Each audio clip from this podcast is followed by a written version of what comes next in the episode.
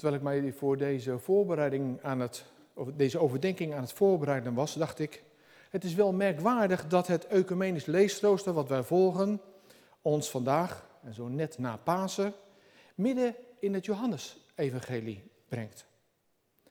Maar als we kijken naar het leven van Jezus, dan is meer dan 50% van het, dit evangelie, dit Johannes-evangelie, gewijd aan gebeurtenissen die plaatsvinden in de laatste weken van het leven van Jezus.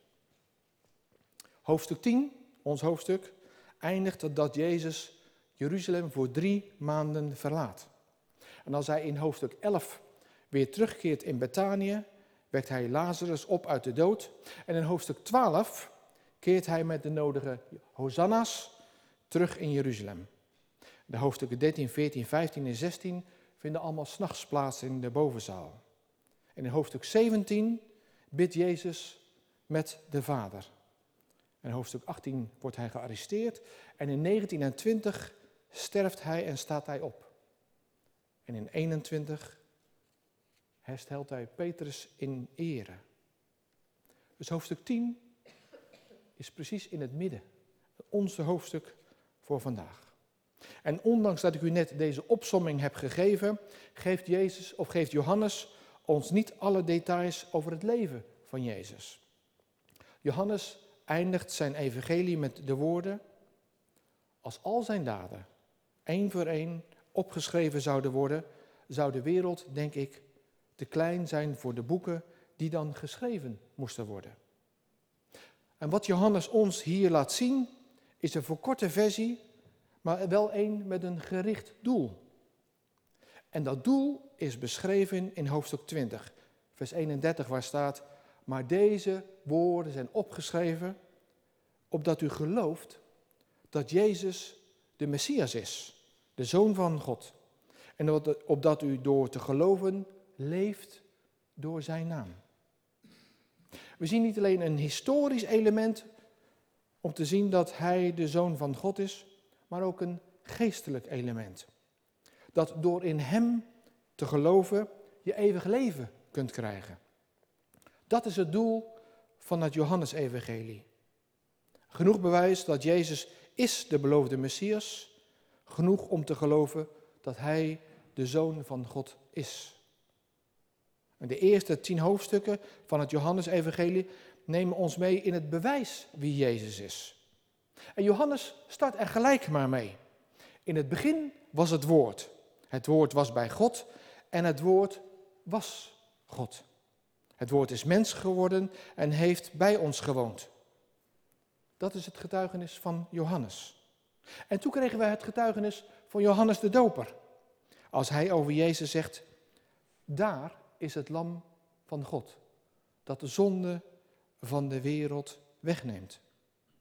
Maar ook het getuigenis van de eerste volgelingen van Jezus als zij getuigen. En ze zeggen dan, we hebben hem gevonden. We hebben hem gevonden. We hebben de Messias gevonden. Het doel van Johannes is om in zijn evangelie de goddelijkheid van Jezus te bewijzen.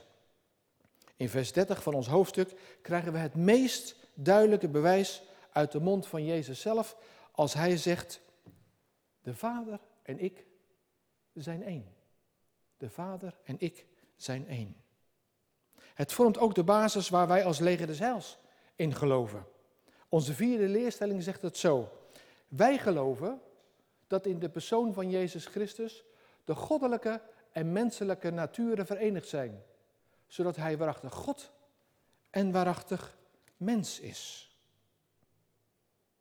De Vader en ik zijn één. En juist die uitspraak zette de Joden en de Joodse leiders in vuur en vlam. Met als resultaat dat ze Jezus meerdere keren proberen ter plekke om te brengen.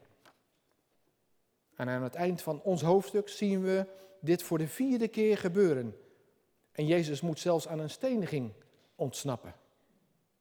En ook al weten de, de Joodse leiders drommels goed wie hij, Jezus, is, telkens proberen ze Jezus op het punt te brengen dat de menigte het zat is met Jezus.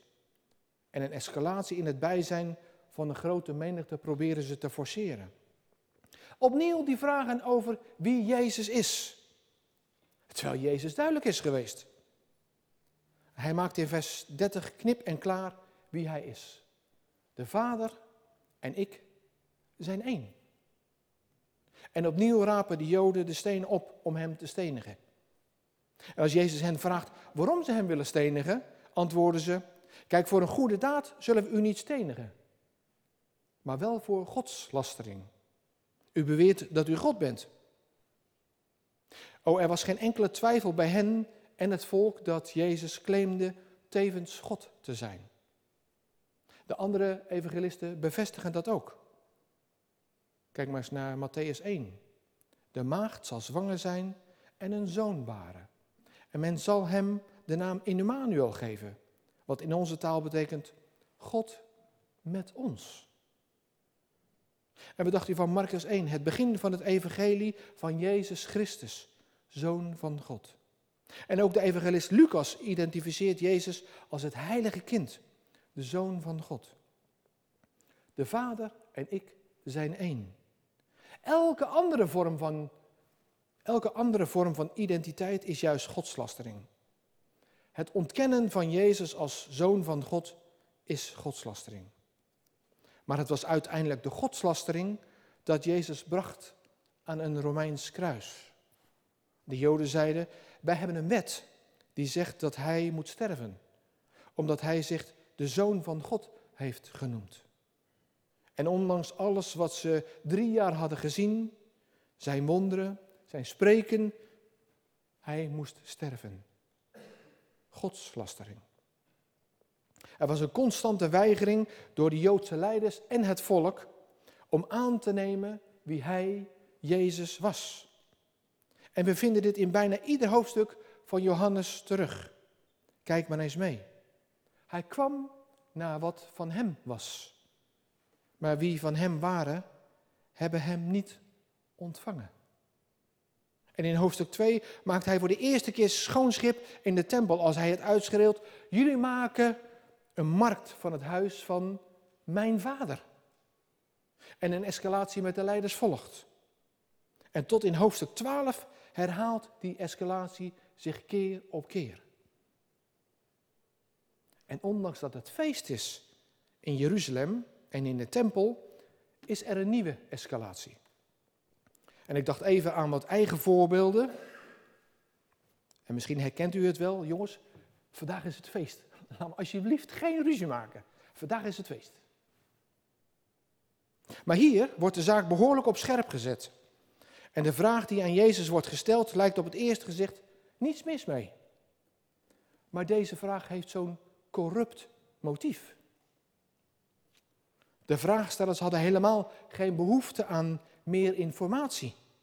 En er was helemaal geen reden om een opheldering. Het enige doel van deze vraag was om Jezus publiekelijk iets te laten zeggen om hem op te pakken voor godslastering. En de leiders van Israël zagen Jezus als hun grootste vijand.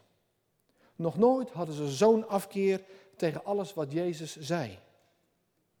Jezus was voor de Joodse leiders het ergste wat hen ooit was overkomen. En ze stellen Jezus deze vraag heel bewust. Op een feestelijk moment waar veel mensen bij aanwezig zijn. Het is feest in Jeruzalem. Het Chanukka-feest. Het achtdaagse feest van de herovering, herovering van de tempel in 164 voor Christus. Het is zeker geen Bijbels feest, maar een historisch feest. Het waren donkere tijden voor het volk van Israël. Zo tussen het Oude Testament en de komst van Jezus. Al 400 jaar was het stil in Israël. Geen profeten, geen profeten, niets. Het was letterlijk en geestelijk winter in Jeruzalem. Maar het is feest van licht in de donkere dagen op de 25e van Kislev, zo rond november en december. En zonder al te veel details over het feest wordt dit gevierd als herovering van de tempel, nadat, was, nadat het was bezet door een Syrische monarch. En het is Maccabeus die met zijn troepen als bevrijder de orde en de tempel herstelt. Dat is het feest. En ik dacht, Een bizar moment eigenlijk. Terwijl ze het feest van hun bevrijder vieren, vermoorden ze hun verlosser. Verbazingwekkend. En de confrontatie begint als de Joden om hem heen staan met een vraag: Hoe lang houdt u ons nog in het onzekere? Als u de Messias bent, zeg het ons dan ronduit. Ja, maar wacht eens even. Ze hadden hem al drie keer geprobeerd te doden. Het is vragen naar de bekende weg. En het sarcasme druipt eraf. Hoe lang houdt u ons nog in het onzekere? En misschien is het goed om te weten dat tussen vers 21 en vers 22 een periode van twee maanden zit. En bij het zien van Jezus alleen al stijgt de spanning. En de wens om hem te doden leeft al bij het zien van Jezus. Het antwoord van Jezus zet de zaak nog verder op scherp. Als hij zegt, dat heb ik u al gezegd, maar u gelooft het niet. Maar wat Jezus hierna zegt, behoeft enige aandacht. Je moet er even bij blijven voor het beste resultaat. Maar u wilt me niet geloven, omdat u niet bij mijn schapen hoort. Dat is duidelijke taal. En wat Jezus tegen de Joodse leiders zegt is, wij horen niet bij elkaar. Kijk, met het geheugen van Jezus is niks mis. Het was nog niet zo heel lang geleden dat diezelfde schriftgeleerden en fariseeën een van de meest verschrikkelijke uitspraak, uitspraken over, over Jezus en tegen Jezus zeiden. Als Jezus net een blinde man heeft genezen.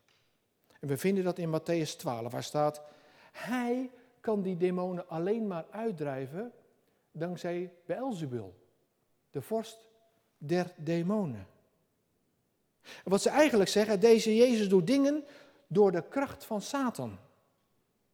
En met hun autoriteit proberen ze iedereen van hun gelijk te overtuigen. En wat Jezus zegt, u hoort niet bij mijn schapen. Wat een statement. Mijn schapen, zegt Jezus, luisteren naar mijn stem. Ik ken ze en zij volgen mij. Mooi hè? Als Jezus niet veel later bidt tot God de Vader voor de bescherming van zijn schapen, dan vinden we daar de grootste zekerheid voor elke gelovige. We zijn veilig omdat we door God zijn uitgekozen. Wij zijn Gods kinderen. Jezus Christus is onze herder. Hij zal ons beschermen, bewaken en geven wat wij nodig hebben. En het verwijt dat hij dit niet kan waarmaken, is juist godslastering. God, de schepper van hemel en aarde, en Jezus, de goede herder, zijn één. Niet omdat we het verdienen, maar, omdat wij, maar wij zijn veilig omdat we Jezus volgen. Ik bedoel, is dat niet waar het in Romeinen 8 over gaat? Wie zal ons scheiden van Gods liefde en Jezus Christus? God en Jezus houden ons bij elkaar en horen bij elkaar. De Vader en de Zoon zijn één in kracht en doel. En Jezus maakt het in vers 30 nog maar eens duidelijk. De Vader en ik zijn één. En wij voegen daar naartoe ongedeeld in wezen en gelijk in macht en heerlijkheid. Het is voor de hoorders een krachtige, maar ook onthutsende claim op wie hij is. Het is niet, gewoon niet te bevatten voor hen. Kijk, u en ik hebben de Bijbel om op terug te vallen. Gods woord. Wij hebben dat om op terug te vallen. Maar wat zij zien, die geestelijk leiders, is een timmerman uit Galilea. Die gedurende drie jaar wonderen verricht en zegt de zoon van God te zijn. De Vader en ik zijn één. Nu oogst Jezus weinig sympathie met dit antwoord. De oudsten rapen alle stenen bij elkaar om hem hiermee te bekogelen. En Jezus is ook niet het prototype van een aardige man. Het zal hem niet boeien of je hem leuk, gezellig, vriendelijk en invoelend vindt. Dus ook dit feest van de tempelvernieuwing, de Chanukka, is voor hem geen aanleiding om kaarsjes te gaan branden. En er een achtdaags gezellig samen zijn van te maken, zoals de Joden dit gewend waren. Het gaat hem maar om één ding. Geloof. Geloof in de levende. Puur geloof. Noem het maar paasgeloof. Zonder water bij de wijn te doen. Anders dan bij McDonald's. Wanneer je daar een cola bestelt, krijg je eerst een halve beker ijsblokjes en daarbovenop nog wat cola. Zie je al wat herkenning. En feitelijk drink je verwaterde cola. Terwijl mensen juist het idee hebben dat ze veel waar voor hun geld krijgen. Als je goed gebakken lucht kunt verkopen, kun je in deze wereld rijk worden. Maar Jezus houdt het bij puur geloof. Geloof in de pure versie. Noem het nogmaals maar een keer paasgeloof. Hij hoeft er ook niet rijk van te worden. Hij is al rijk. Het rijke leven heet bij hem eeuwig leven. Eeuwig leven is niet een soort lui lekkerland, een all-inclusive arrangement waarbij alle hapjes, drankjes zijn inbegrepen. Zoals je dat tegenwoordig aan de Turkse Riviera in allerlei soorten en maten kunt krijgen. Eeuwig leven is juist zoveel kaler dan het gewone leven. Wie naar het eeuwig leven verlangt, zal eerst moeten loslaten. Bij de poort naar het eeuwige leven vraagt Jezus of wij ons verdriet, onze boosheid, onze schuld, onze begeerte en onze ambities willen loslaten. Dat is allemaal ballast. Daar kun je niks mee beginnen als je het beloofde land binnengaat. Ken je de stem van Jezus, de goede herder? Dan zal hij de schapen van zijn kudde vandaag bij dat nieuwe leven brengen, zegt de evangelist Johannes. Jezus wijst je de weg er naartoe. En er is maar één manier om er te komen. Geloof. Geloof in de levende. Geloof in Jezus als de levende. De Vader en ik zijn één, horen we hem zeggen. En ik zei het al, boven ons Bijbelgedeelte staat geloof en ongeloof. Het is dom om geloof af te schilderen als iets wat ten diepste meer twijfel dan geloof is. En natuurlijk weten we niet zeker ten aanzien van de diepste dingen van het leven en is dat een zaak van geloof. En omdat je niets zeker weet, heb je er ook reden om eraan te twijfelen. Dat is het gelijk van de twijfelaar die zich altijd verschanst in het hart van elke gelovige. Maar de twijfel heeft ook een heel duidelijk manco. Twijfel is een soort gevangenschap. Twijfel wil de zaak telkens weer opnieuw van een andere kant bekijken. En feitelijk kom je geen stap verder wanneer je in je twijfel blijft hangen. Kijken, kijken, niet kopen, zeggen ze in de landen rondom de Middellandse Zee. Als we als toeristen langs hun kraampjes voorbij schuifelen. Het is de vraag of je door lang genoeg te twijfelen op de duur vanzelf de sprong naar het geloof maakt. Paasgeloof heeft een andere kwaliteit dan twijfel. Paasgeloof is keus, daad, overgave, vertrouwen, inspiratie, moed, kracht en troost. U gelooft het niet, houdt Jezus zijn gehoor voor. U houdt zich bezig met laffe godsdienstigheid, maar daar koop je niks voor. Geloof moet paasgeloof zijn en zijn kracht kunnen tonen. Daarom wil Jezus dat het geloof voluit, als geloof in onze ziel, expressie krijgt, opdat alle angsten, twijfel en verdriet eruit gekegeld worden. Geloof daarom niet dat het paasgeloof slechts een kortstondige oprisping is in je ziel en dat het vlammetje binnen de kortste keren weer zal worden uitgeblazen. Want wanneer Jezus ons het eeuwig leven geeft, zullen zijn schapen nooit verloren gaan. En niemand zal ze uit zijn hand roven, lezen we in de tekst. Jezus wil zijn tegenstanders niet in onzekerheid laten over zijn identiteit. Die tegenstanders staan aan de kant van de argwaan en de achterdocht. En Jezus wast hen de oren. Ik heb u gezegd dat ik de Messias ben. Alleen jullie geloven het niet. Het springende punt is dus het geloof. Het paasgeloof als doorbraak naar een andere manier van in het leven staan. De opgestane Heer heeft je bij je naam genoemd. Eerlijk, open en vastberaden. Doortastend en moedig. Vrolijk. Licht. En niet bang om afgewezen te worden. Van binnen een, meer een soort doorzonwoning dan een, een klein huis met glas in loodramen met de luiken die s'avonds dichtgaan. Mooi hè?